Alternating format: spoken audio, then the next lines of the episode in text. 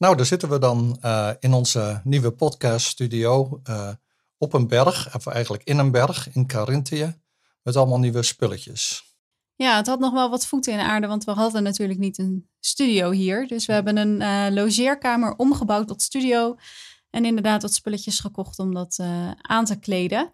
Um, twee lekkere stoelen die ik vrij snel in elkaar had. Maar we hadden ook een tafel nodig. En daar ben jij toch wel wat langer mee bezig geweest. Ja, ik, uh, nou, ik had dat ding gezien in de winkel. En ik dacht, oké, een blad met vier poten. En het was natuurlijk Ikea, dus je moet hem dan zelf in elkaar zetten. Ik dacht, nou ja, echt een projectje voor mij. Maar toen ik die doos die ik al zwaar vond openmaakte, haalde ik daar allemaal kleine plankjes uit. En ik dacht van, uh, het was toch alleen maar één blad met vier poten. Wat zijn die kleine plankjes? En toen zag ik nog wat andere raar gevormde dingen. Oké, die plankjes, bedacht ik na een tijdje, dat zijn zetels van stoelen. Dus hadden we in plaats van een tafel, een tafel en ook nog vier stoelen gekocht. Die we helemaal niet nodig hebben, want die stoelen zijn niet zo comfortabel als waar we nu op zitten. Nou, dat kunnen we helemaal niet weten, want die stoelen heb je mooi niet in elkaar gezet. ja, nee. Dit is Drang naar Samenhang podcast over de psychologie van het begrijpen. Mijn naam is Rol Swaan, auteur van het boek Drang naar Samenhang en hoogleraar cognitieve psychologie aan de Erasmus Universiteit Rotterdam.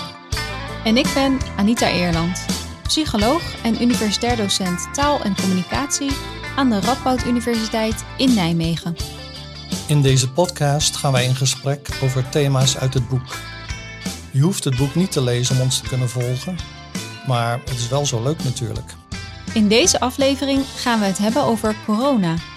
Eind 2019 werden we geconfronteerd met een volkomen onbekende situatie. Hoe gaan we met zulke nieuwe situaties om? En hoe proberen wij die te begrijpen? Mijn geheugen voor uh, wanneer iets gebeurd is, is uh, nogal uh, belabberd. Maar jij weet vast nog wel wanneer jij voor het eerst over corona hoorde. Ja, eigenlijk kan ik me dat nog heel goed herinneren. Dat was ergens in december. En ik weet nog dat ik uh, net wakker was en op mijn telefoon keek op uh, nu.nl of er nieuws was. Dat deed ik toen uh, elke ochtend. En toen las ik iets over een, ja, een beetje een mysterieus virus in China. En er was weer een nieuw slachtoffer. En ja, er was eigenlijk nog heel weinig over, over bekend. En ik vond het um, ja, een beetje raar eigenlijk. Maar ja, dat speelde toen nog alleen in China. Het was nog heel klein. En ik had geen idee dat we een aantal weken later... Um, overal uh, in de wereld zulke gevallen zouden hebben. Maar ik kan me dat begin nog wel heel goed herinneren. Ja, wat mij eigenlijk het uh, meest voor ogen staat, of het eerste beeld waar ik aan denk, is uh, dat van Wuhan, waar je dus een verlaten stad had, lege straten met af en toe iemand die daar doorheen schuifelde met een masker op en angstige ogen daarboven. En ik werd daar zelf ook eerlijk gezegd een beetje angstig van. En ik geloof dat niet veel later uh, werd er ineens in een paar dagen een ziekenhuis uit de grond gestampt. En dat kon je ook volgen op het internet. Dus dat gaf wel aan hoe ernstig de situatie was. En wat het ook aangaf was dat uh, we kennelijk niet berekend waren op die situatie. Hè, waarom zou je anders ineens een heel nieuw ziekenhuis uh, bouwen? Dus, en dan was de vraag van wanneer komt het probleem ook bij ons? En als je dan kijkt naar het massatoerisme, Chinese toeristen die je overal ziet, Nederlanders die je overal ziet, Amerikanen, was het gewoon gemakkelijk voor te stellen dat het virus uh, binnen de kortste tijd ook bij ons op de deur zou kloppen. En ja, toen kreeg je natuurlijk uh, die gevallen in Noord-Italië, dramatisch. Uh, en daarna ook in Noord-Brabant. En ja, toen wist je wel, we gaan te maken krijgen met een situatie die we nog nooit eerder in ons leven hebben meegemaakt. En niemand verder eigenlijk. En we moeten maar kijken hoe we daar wat eh, mee kunnen. Ja, ik, ik wist niet zo goed wat ik ervan moest denken. We wisten, we hadden nog heel weinig informatie erover, maar ik had niet het idee dat het zo snel zo'n vaart zou lopen. Misschien omdat ik altijd denk, nou, dat uh, zal wel loslopen. En dat bleek dus uh, heel anders te gaan. Want inderdaad, volgens mij in maart, half maart of zo, ging Nederland ook de eerste maatregelen nemen. Ja, dat klopt. En toen ging ook de universiteit dicht. Ik geloof dat ik voor het laatst op mijn werk ben geweest, uh, half maart uh, eh, 2020. En uh, ja, wat, je dan, wat ik wel merkte, en jij ook natuurlijk, is je zit dan in een soort stroomversnelling uh, of een, zelfs een tsunami van informatie. Alles komt je op je af. je spreekt mensen op straat, familie. je leest dingen op het internet, je, je, je, je kijkt tv, je leest de krant en al vrij snel, en ik beschrijf dat ook in het voorwoord van het boek, uh, ontstaat dan uh, wat ik daar noem een epistemische crisis. Een crisis in het begrijpen, zeg maar. We begrijpen niet wat er om ons heen allemaal gebeurt. En wat dan ook nog, vond ik, het e-, extra beangstigend maakte, was dat um, de, laten we zeggen, degene die het zouden moeten weten, hè, onze, onze leiders leken het ook niet te weten. Hè, die spraken elkaar tegen en in het ene land zeiden ze dit en in het andere land zeiden ze dat. Dus het was eigenlijk een uh, situatie die enorm afweek van uh, ons normale leven. Hè. Ineens werden we geconfronteerd met iets dat we niet kenden. Nee, maar dan, dan kun je de mensen die het zouden moeten weten toch ook niet kwalijk nemen eigenlijk. Dat oh, nee. zij het ook niet wisten, want het was een heel nieuwe situatie. Uh, we hadden heel weinig informatie. En uh, ja, hoe ga je daarmee om? Hoe, hoe probeer je zo'n nieuwe situatie dan te begrijpen? Ja, dat klopt. En uh, ik, ik, nam het ook niemand kwalijk, maar het maakt het extra beangstigend dat zij het ook niet wisten. En toen kreeg je, ja, dus die, die toevloed of toestroom aan informatie leidde eigenlijk tot wat genoemd werd een infodemie.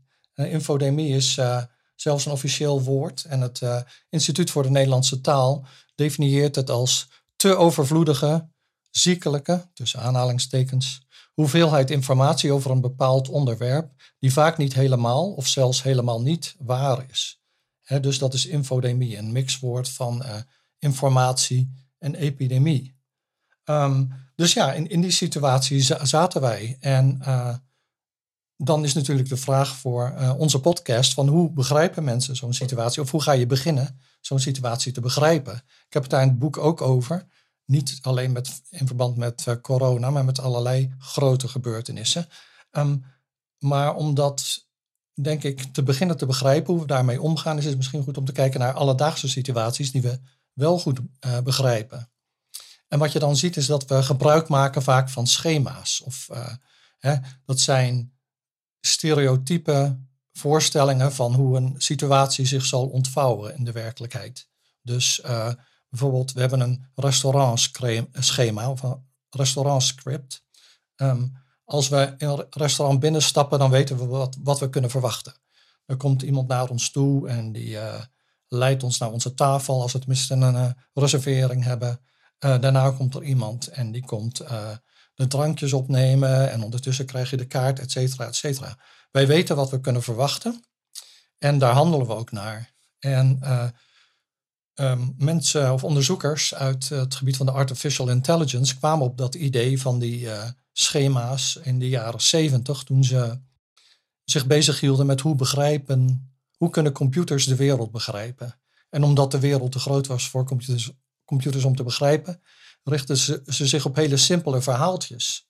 En wat ze merkten was, die, het was heel moeilijk om die computers die verhaaltjes te laten samenvatten. Hè, wat dan, laten we zeggen, een kenmerk is van begrijpen of zou kunnen zijn, een maatstaf van begrip. Um, want die computers hadden totaal geen voorkennis van de gebeurtenissen die beschreven werden. En uh, toen uh, rees dus het idee van, op de een of andere manier maken wij mensen, als we de wereld om ons heen proberen te begrijpen, uh, heel veel gebruik van onze voorkennis. En die voorkennis is vaak in de vorm van een schema. Een schema voor een situatie die vaak voorkomt in de werkelijkheid. Zoals uh, naar een restaurant gaan of een begrafenis of een uh, promotie aan de universiteit of een voetbalwedstrijd, dat soort dingen. En is daarvoor dan eigen ervaring vereist om zo'n schema te maken en om die voorkennis te hebben? dat is een goede vraag. En ik denk dat dat het moeilijk is om inderdaad om een schema zo te leren. Want dan moet je dat hele schema uit je hoofd leren. Terwijl uh, als je het zeg maar extraheert uh, uit je eigen ervaringen, je, je, je onttrekt het uit je eigen ervaringen over meerdere situaties, dan, uh, dan is dat denk ik gemakkelijker. Dus ik denk dat dat is hoe de meeste mensen hun schema's vergaren. Maar desalniettemin is het natuurlijk zo dat je ook um, nou ja, vaak instructies krijgt, protocollen. Bijvoorbeeld een uh, promotie aan de universiteit heeft een bepaald pro protocol. En als je daar zit als uh, opponent en vragen moet stellen aan de kandidaat, dan staat er ook bij op welk moment jij als op oppositielid moet gaan staan. je petje op moet zetten, je petje af moet zetten en dat soort dingen. En dus ja, dat die, ehm, laten we zeggen, die protocollen, die, die vormen dan een soort stella, stellage, een, een scaffolding, zoals ze zeggen in de onderwijspsychologie, om zo'n schema aan te leren. Maar betekent dat dan dat je geen schema kunt hebben voor gebeurtenissen die je zelf niet hebt meegemaakt? Ehm, ik denk wel dat het zou kunnen, maar dat, die zullen dan zeker niet zo gedetailleerd zijn. Hè? Dus als we het hebben over begrijpen, wat we dan, uh, het basisidee is dan dat wij als begrijper een model voor, uh, vormen van de situatie. Een situatiemodel.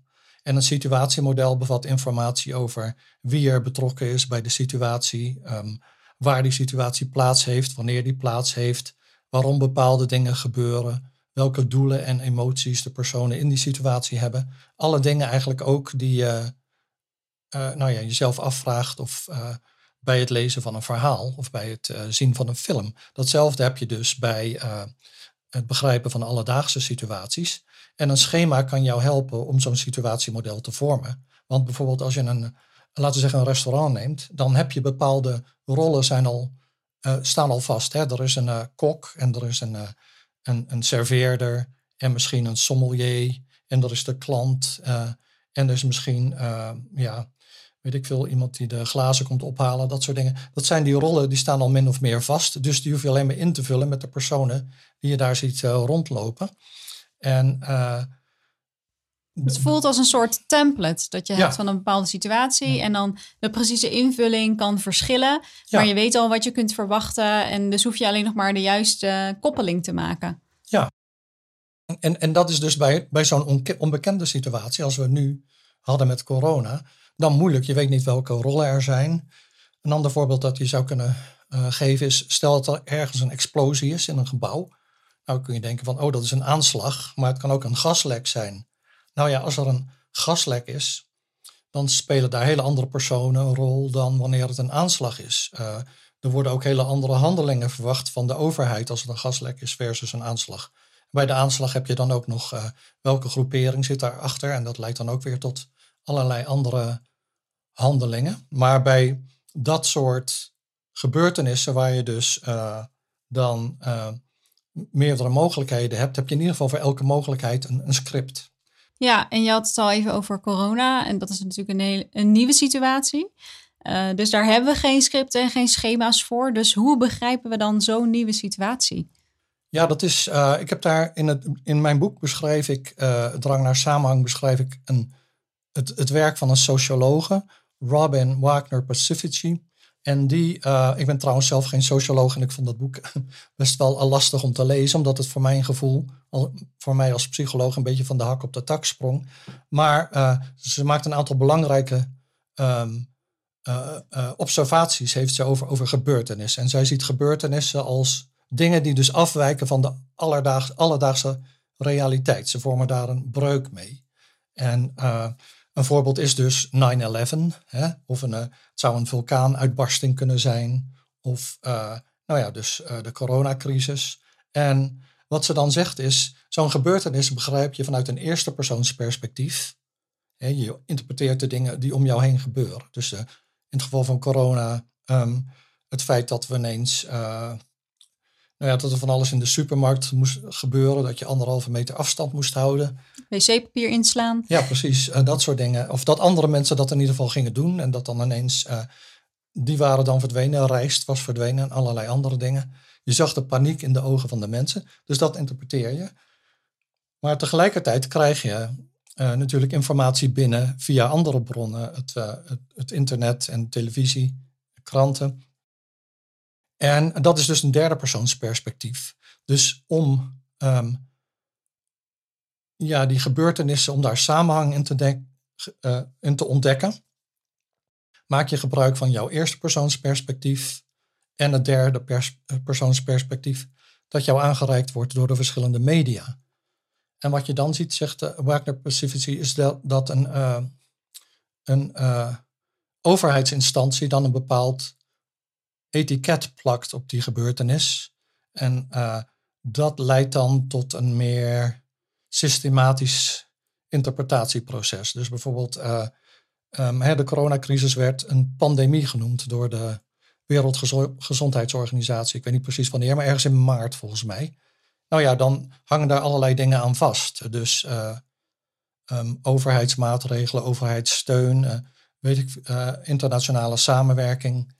En dus in dat geval heeft dan de overheid ergens een, een, een, een, een etiket opgeplakt en daarmee gepaard gaat dan een schema. En dat helpt dan ook ons als individuen om de situatie om ons heen iets beter te begrijpen. Ja, dan is het dus heel belangrijk wat voor soort label er op een onbekende situatie wordt geplakt. Want als zij de uh, Wereldgezondheidsorganisatie er niet het label pandemie op had geplakt, maar iets heel anders, uh, of misschien een andere instelling, uh, nog weer een ander label, dan had dat dus bij ons een ander schema geactiveerd en hadden we de situatie dus misschien op een andere manier begrepen. Ja, ja, ja dat is dus um, wat Wagner Passivity beargumenteert. En, en, en, en, wat ze dus zegt is dat wij als individuen zo onze eigen interpretaties zullen hebben. En er is dan een soort uh, veelheid aan interpretaties, maar dan wanneer er een hogere instantie komt die ergens een etiket op plakt, dan krijg je een soort convergentie in de interpretaties. Dan gaat iedereen dat een beetje hetzelfde zien, op natuurlijk bepaalde groepen na die dan zeggen van het is een griepje of uh, het is helemaal niet zo erg of uh, het is een expres de wereld ingeholpen en weet ik veel wat. Net zoals je bij 9-11 had. nee, de, het waren niet de kapers die erachter zaten, maar het was eigenlijk de Amerikaanse overheid. Hè? Dat heb je ook nog steeds, die 9-11 complottheorieën. Dus je hebt altijd een soort officiële lezing en dan heb je daar um, ja, rivaliserende lezingen van. Uh... Ja, dus zo'n zo'n label kan helpen als je dat label accepteert. Mm -hmm. Maar als je dat label niet ac accepteert, uh, dan zul je een andere interpretatie moeten hebben. Ja, en dan kom je met je eigen label. Hè? Zoiets ja. van. Uh, het, was een complot. Een, wat zeg je? Het is, het een, is een complot, bijvoorbeeld. Ja. ja. hey, wat is dat? Nou, het is denk ik tijd voor ons onderdeel onbegrip van de week. Uh, en dat is een onderdeel waarin wij allebei iets noemen wat ons is opgevallen, wat we niet hebben begrepen. Ja, dus mijn onbegrip zat eigenlijk al aan het begin. Die doos van Ikea. Ik had in die winkel die tafel gezien en ik had een situatiemodel gebouwd van de tafel, hè, dus in mijn hoofd. En zo moest die eruit komen te zien. Maar toen ik die doos opendeed, kwam ik allerlei onderdelen te tegen die niet in mijn situatiemodel pasten. Dus dat leidde tot enig onbegrip. En ik heb pas weer samenhang weten te creëren toen ik uh, die onderdeel, onderdelen identificeerde als delen van stoelen. Toen wist ik, oké, okay, we hebben eigenlijk dus meer gekocht dan we gewild hadden. Dankjewel IKEA. Maar we hebben daar in ieder geval wel een mooie tafel aan overgehouden. Maar wat is nu jouw onbegrip van de week? Ja, dat is niet iets uh, recents van de afgelopen week, maar wel iets wat ik uh, nou ja, al een aantal jaar geleden ben tegengekomen. Um, zo af en toe heb je dat je krantenkoppen leest. En meestal heb je wel een idee waar, dat over, waar dan zo'n bericht over gaat. Mm -hmm. Maar dit is een krantenkop, zoals ik al zei, dus van een aantal jaar geleden. Uh, en ik weet nog heel goed dat ik de krantenkop las en totaal geen idee had waar dat artikel over zou gaan. Mm. Dus ik ga nu de krantenkop aan jou voorlezen. Oh, oké. Okay. En dan ben ik heel benieuwd of jij een idee hebt uh, waar dat bericht dan over zou kunnen gaan. Maar dat is stiekem nog steeds uh, een onbegrip van de week voor mij. En, toch? nou, het, het was er een van mij. Ah, okay. um, uh, maar ik ben gewoon benieuwd wat jij daarvan maakt. Oké, okay, de titel um, luidt als volgt. Panzerwagen helpt bij dierlijke voortplanting. Poeh, panzerwagen? Mm -hmm. is een ja, een panzerwagen is niet een soort tor of zoiets. Uh, een, uh, ik bedoel een insect. Nee, nee, nee, het gaat hier echt om een voertuig van het leger. En dat helpt bij dierlijke... Voortplanting. Uh, nou ja, ja weet ik veel. Um, dat, dat neushoorns zich moeten voortplanten en dat een panzerwagen gebruikt wordt om het mannetje naar het vrouwtje te drijven of omgekeerd. Nou, ja. Oh. Nou, nee, dat is het dus niet. Maar oh. ik vind het wel leuk bedacht. Ja, nou ja, je bent in ieder geval al verder gekomen dan ik. Um, maar het is ook niet helemaal eerlijk, want ik had er ook een plaatje bij. Oh. Uh, het plaatje dat hierbij staat is, uh, ja, is een foto van uh, heidevelden. Mm -hmm. Weet je wel, van die paarsige, ja, in, in bloei staande heide. Met wat schapen en een geit. Schapen en een geit. Oké. Ehm, die geit stoorde het paren van de schapen of zo. En die moest verwijderd worden. Maar ik weet niet waarom je daar Met een een panzerwagen. nodig hebt. Nee, eh, eigenlijk is die foto super misleidend. Ehm, want eh dat artikel daaronder heeft helemaal niks te maken met heide of met schapen of met geiten. Hm. Maar omdat die foto er wel bij stond en ik alleen eh, die kop had, eh, ja, kon ik ook geen goed situatiemodel maken van Mhm. de beschreven situatie. Uiteindelijk ging het erom dat eh, in Duitsland dat het Duits leger door een natuurgebied een panzervoertuig liet rondrijden. Mhm. En dat in de sporen die dat voertuig dan maakt en, en achterlaat op de bospaden, daar blijft dan regenwater in staan. Oh, daar zitten dan wormen in of zo? Ja, en eh, eh, dat, dat creëert dan ideale omstandigheden voor bepaalde amfibieën, Ah, oké. eh, zodat die daar kunnen ontstaan. Oh, dat is wel een hele goeie. Dus eigenlijk is het misleidend omdat je denkt dat die panzerwagen dus bewust wordt ingezet om dat te doen. Maar het is eigenlijk gewoon een neveneffect van het feit dat dat ding sporen trekt door, de, door het landschap. Ja, en dan is het zo dat dat plaatje, als je dat erbij hebt, zet dat je ook nog op het verkeerde been. En eh, bij dierlijke voortplanting, ja, denk ik niet meteen aan amfibieën. Als, eh, het woord dier roept bij mij associaties op, denk ik eerder toch met zoogdieren. Misschien ook door dat plaatje, maar En door die panzerwagen dat je denkt van het moet wel een groot dier zijn. ja, dus het, het is in meerdere opzichten misleidend. En daardoor had ik echt heel veel problemen met het begrijpen van, van deze kop. Ja. En eh, ook al probeer je er dan een situatiemodel van te maken, dan blijkt het uiteindelijk om iets heel anders te gaan. Ja, dat, eh, en, daar blijkt dus uit dat eh, taal wat dat betreft ondergespecificeerd is. Dus hij specificeert niet in genoeg detail de situatie die beschreven wordt. En dan ga je dus op basis van je voorkennis eh, aanvullingen zitten maken. En hier word je de verkeerde kant op gestuurd doordat je denkt van panzerwagen bewust ingezet, groot voertuig, het zal wel gaan over grote dieren en het zal wel een, ja, een soort bewuste strategie zijn van natuurbeheer en het leger samen of zoiets. Ja, en dat blijkt dan toch heel anders te zitten. Nou, heel mooi voorbeeld van onbegrip van de week. Eh, al ben ik nu twee keer de dupe, maar goed, ik, ik pak je nog wel terug hè, bij de volgende aflevering. Oh jee. We hebben het gehad over ehm, nou, hoe begrijp je zo'n eh, nieuwe situatie. Hè? Dat we op een bepaald moment moet er toch iemand komen die ons een beetje stuurt in de richting van een bepaald schema, zodat we dat kunnen activeren om een situatie te begrijpen. Ehm, en we hebben het ook gehad over de, ehm, de grote hoeveelheid aan informatie die eh, beschikbaar kwam. Eh, Ja. En nog steeds eigenlijk. eh, aan het begin van, van corona. Ehm, en ja, daar zijn volgens mij ook ontzettend veel studies naar gedaan. Wat je altijd ziet bij zo'n nieuwe onbekende situatie, is dat eh, heel veel onderzoekers daar natuurlijk gebruik van willen maken. Dat heb je Ja. ook gezien bij 9-11. Ja. Er zijn allerlei ehm, soorten onderzoek die je heel goed kunt doen. eh, als, er, als zich een unieke situatie voordoet. En dat had je dus bij 9-11 bijvoorbeeld ook. Als mensen eh, onderzoek willen doen naar de werking van het geheugen, bijvoorbeeld, collectief geheugen, eh, flashbulb memories voor, nou ja, heel erg. ehm, Onverwachte gebeurtenis. ja, precies. Ehm, en zo is deze situatie met corona eh, ook aangegrepen door heel veel onderzoekers om, ehm, nou ja, eh, te, te bestuderen hoe mensen informatie verzamelen over, eh, eh, over deze crisis, welke bronnen ze daarvoor gebruiken, eh, wat ze daar vervolgens mee doen en, en hoe mensen zich voelen. En er zijn allerlei vragenlijsten uitgestuurd. Ook door ons. Ook door ons. Eh, daar gaan we het eh, vandaag denk ik niet over hebben. Nee, over nee, want we zijn nog gedaan. niet. de data moeten nog geanalyseerd worden, maar we hebben inderdaad data verzameld onder respondenten in het buitenland. En ook in samenwerking met Kieskompas onder duizenden Nederlanders. Maar daar komen we in een latere uitzending nog over te spreken. Want jij wou het nu geloof ik hebben over onderzoekers uit Duitsland die. Ja, iets- die, Die, die dus iets soortgelijks hebben gedaan. Ik heb dat pas een aantal eh, dagen geleden, eh, dat rapport van hun gelezen. Het is inderdaad eh, een professor in Duitsland, Rosman. Zo zou je het waarschijnlijk niet zeggen. Ro- ja.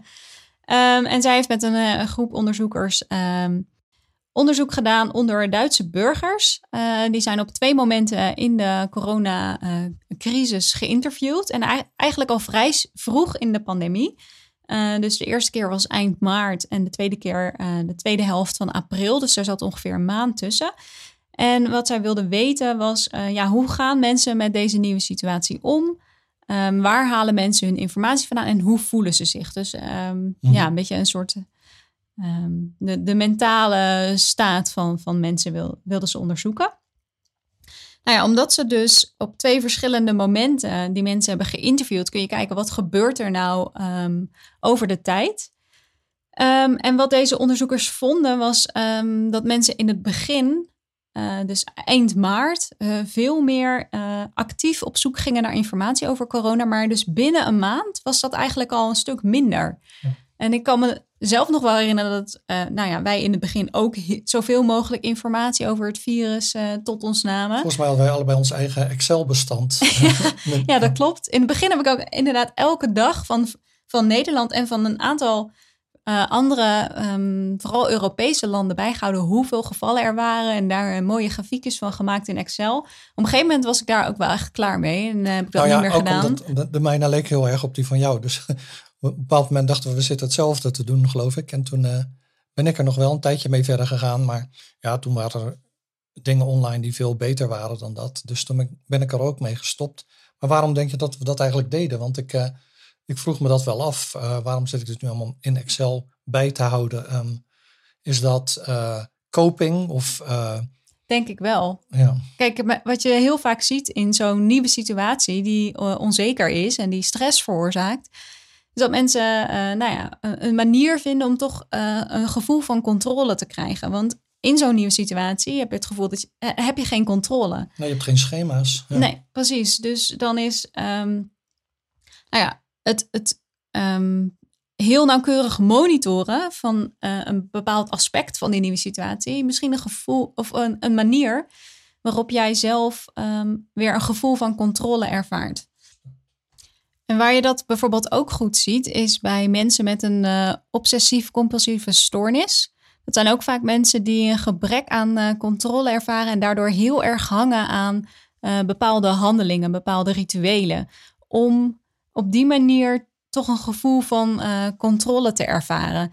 En dan is dit een beetje de, de klinische kant daarvan. Maar ik denk dat we dat als mensen eigenlijk allemaal wel hebben, tot op zekere hoogte. Dus -hmm. dan kan um, het bijhouden van zo'n Excel-bestand daar een, uh, een, voorbeeld van zijn. Je zei dat uh, in dit onderzoek um, dat het zoekgedrag uh, dan um, afnam naarma naarmate de tijd verstreek, wat geloof ik ook een beetje uit ons eigen onderzoek kwam. En, en dat zou je dan dus kunnen verklaren door te zeggen, mensen hebben, hoeven minder te kopen, of hoe zou je dat dan ja, deze onderzoekers geven daar niet echt een verklaring voor. Zij zeggen gewoon dat na verloop van tijd mensen um, ja, misschien minder behoefte hadden, of misschien wel moe, al moe waren geworden na een maand van al die uh, coronaberichten. Um, want ze gingen niet alleen minder actief op zoek naar informatie, maar ook um, namen ze minder uh, passief informatie over uh, corona tot zich. En ze hadden minder sterke negatieve emotionele reacties op het coronavirus. Dus het is alsof ze ja, een soort van uh, afvlakte of zo. Ik, ik weet ook niet zeker of dit misschien een voorbeeld is van regression to the mean. Dus dat als je mhm. meerdere keren een bepaalde meting doet, dat mensen steeds meer naar het gemiddelde uh, mm -hmm. toetrekken. Dat zou natuurlijk heel goed kunnen. Dat, uh, dat weet ik niet. Het lijkt me het lijken me best wel sterke effecten voor zo'n korte tijd. Want ook half april was er nog steeds heel weinig bekend over het virus. Ja, want ik zat een beetje zo uh, te denken. Ik heb het artikel uh, niet gelezen wat je nu noemt. En um, nou ja, maar gezien het eerdere verhaal zou je dan zeggen van grote onzekerheid in het begin. We hebben geen schema's, maar dan worden ons schema's aangereikt. En geleidelijk aan uh, begint zich een soort collectieve interpretatie van de situatie te vormen. En da, dan zou je verwachten dat uh, daarmee ook uh, de, ja, de behoefte aan uh, coping minder zou worden. Dus dan zou het zoekgedrag ook moeten afnemen. Maar goed, dat is mijn psychologie van de koude grondtheorie hier even, want ik heb dat artikel niet gelezen. Nee, nou, ik kan me ook nog voorstellen dat de coping misschien anders wordt. Dus naarmate je meer informatie hebt, heb je misschien minder behoefte om uh, controle te hebben. Maar um, eh, ga je wel kopen uh, op zo'n manier dat je de minste kans loopt om dat virus te krijgen. Dus Mhm. als we meer weten over hoe dat virus zich verspreidt, eh, wat de klachten zijn en hoe je je daartegen het beste kunt wapenen, dan wordt dat misschien meer een manier van coping. Maar ik vond het wel opvallend dat mensen zich dus al binnen een maand minder angstig voelden, eh, minder Mhm. bezorgd waren om dat virus. Ehm, ja, dat vond ik zelf wel opvallend, want ik, ik denk dat ik half april eh, dacht van, oh jee, het is veel erger dan ik in het begin dacht. En er waren nog steeds, en er was nog steeds nieuwe informatie die kwam. eh, dat, we, dat we in het begin dachten dat het, nou ja, er was heel veel gedoe over die mondkapjes bijvoorbeeld. En, en kunnen kinderen het virus nu wel of niet krijgen en of verspreiden? Ja. Ja, er was nog veel on- onduidelijk. En we hadden ook eh, toen natuurlijk de beroemde grafiek van de curve afvlakken. Hè? Ja. Dus het was, eh, ja, waar, waar we op moesten letten was dat eh, IC-bezetting, intensive care bezetting, niet te hoog zou worden. En dat konden we doen. En er zouden sowieso zoveel besmettingen zijn, maar het was belangrijk dat die meer over de tijd verspreid zouden zijn. Zodat dus dat de ziekenhuizen dan de, de, eh, de toestroom zouden kunnen opvangen. Dat was een beetje het idee. En dat gaf mensen dan denk ik wel houvast van ja, we moeten met z'n allen proberen inderdaad eh, het aantal besmettingen ehm, niet te, ve- te veel te laten oplopen. Dat was toch wel een, denk ik, een consensus onder de Nederlanders althans. Er zijn natuurlijk altijd mensen die dat anders zagen, maar ehm, Ik denk dat Ja. je meestal in zo'n situatie, en dan was het nu negatief, maar ook in een positieve situatie, als je in het begin heel erg zo'n gevoel hebt van eh, we, we, moet, we gaan dit gewoon met z'n allen doen. Eh, Mhm. En hoe langer zo'n situatie duurt, hoe meer eh, je verschillen ziet tussen mensen. Sommige mensen zijn er al mee klaar en die denken, nou, ik heb geen zin meer om aan al die maatregelen te houden. Terwijl andere mensen nog wel echt hun schouders eronder zetten en proberen de maatregelen bijvoorbeeld vol te houden of zo. Maar in het begin zie je inderdaad dat mensen dat met elkaar willen gaan doen. En eh, ja, dat klopt. Ja, dus die eendracht die, die, die Ja. verdwijnt dan eh, geleidelijk. Ehm, en, en dat zie je in heel veel andere situaties ook. Ehm, maar even terug naar dat artikel. Dus je zegt ze hebben, ze hebben niet alleen gekeken naar de hoeveelheid zoek, eh, hoeveel, hoe, frequentie van het zoekgedrag, maar ook naar welke bronnen mensen gebruikten natuurlijk. En net zoals wij dat hebben gedaan. Maar kwam daar nog iets interessants uit? Ehm, nou, eigenlijk niet. Ze hebben de bronnen onderling niet zozeer vergeleken, maar ze hebben meer die eerste eh, wave, dus eh, de data verzameld op één tijdspunt, eind maart, vergeleken met een tijdspunt 2, eh, tweede helft van april. En wat ze zagen was dat die afname van het actief zoeken naar informatie, maar ook het passief tot je nemen van informatie, dat dat ehm, eigenlijk voor alle soorten media ehm, afnam. Mhm. Tussen tijdstip 1 en 2. Eh, dus het was niet zo dat mensen in het begin veel meer eh, het internet gebruikten als bron van informatie en later veel meer de krant bijvoorbeeld. Maar eh, welke bron mensen ook gebruikten, op Wave 2 gebruikten ze die minder. Ja, ja. ja. En dat, dat is op zich interessant. Het was natuurlijk leuk geweest als ze gevonden hadden dat er een eh, soort kwalitatieve verschuiving was van het één type bron naar een ander type bron. Maar dat was niet eh, wat Nee. gevonden werd. Nee, ik heb die grafiekjes bekeken en ik zal een link naar dit rapport eh, ook in de show notes zetten. Het is wel in het Duits, maar goed, die grafiekjes kun je vrij goed eh, ook zonder de, de Duitse taal machtig te zijn begrijpen. En je ziet gewoon heel netjes steeds een, een langer balkje, dus meer gebruik van een bepaalde bron Mhm. op tijdstip 1 in vergelijking met tijdstip 2. Dus als je dat terug wil koppelen aan eh, waar we het in het begin over hadden, schema's en zo, dan zou je dus kunnen zeggen van eh, een onbekende situatie gaat gepaard met onzekerheid, omdat we geen schema's hebben, nog geen schema's hebben om die situ- situatie te interpreteren. Ehm, als er dan informatie binnenkomt en geleidelijk aan zich eh, en zich geleidelijk aan interpretaties beginnen te vormen, neemt de onzekerheid af en daarmee ook het, het zoekgedrag Ja, of de frequentie Kennelijk de behoefte aan informatie is dan minder. Misschien Ja. dat mensen denken, nou, nu heb ik voldoende informatie om ehm, te weten wat ik wel of niet moet doen in deze situatie.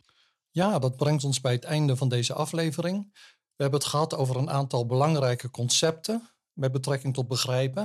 We hebben het gehad over schema's en dat zijn mentale voorstellingen van veel voorkomende situaties. Ehm, En we hebben het gehad over hoe schema's ons kunnen helpen situatiemodellen te vormen. En dat zijn mentale voorstellingen van een situatie in de werkelijkheid. Nu komen we in het leven niet alleen terecht in uh, situaties die veel voorkomen, maar soms gebeurt er iets onverwachts. En uh, we gebruikten de coronacrisis als voor, voorbeeld. In zo'n situatie heb je weinig schema's of geen schema's om de situatie te begrijpen. Dus het kost moeite om situatiemodellen te vormen. En omdat je dus niet de juiste voorkennis hebt in de vorm van schema's om die nieuwe situatie te begrijpen, uh, ga je heel veel informatie tot je nemen. Wat we zagen in het uh, zoekgedrag van, van mensen aan het begin van de coronacrisis. Maar uh, naarmate zich interpretaties begonnen te vormen, nam dat zoekgedrag af. En als je een positieve draai wil geven aan de hele coronasituatie, zou je kunnen zeggen dat die er misschien wel toe geleid heeft dat wij allemaal nu een schema hebben ontwikkeld voor het begrijpen van pandemieën. Vond je dit een leuke podcast en wil je geen aflevering missen? Abonneer je dan. Behoefte aan meer drang naar samenhang? Ga dan naar de boekwinkel of bestel het boek online via www.boompsychologie.nl/slash drang naar samenhang. De hoofdstukken die aansluiten bij deze aflevering vind je in de show notes. Tot de volgende drang.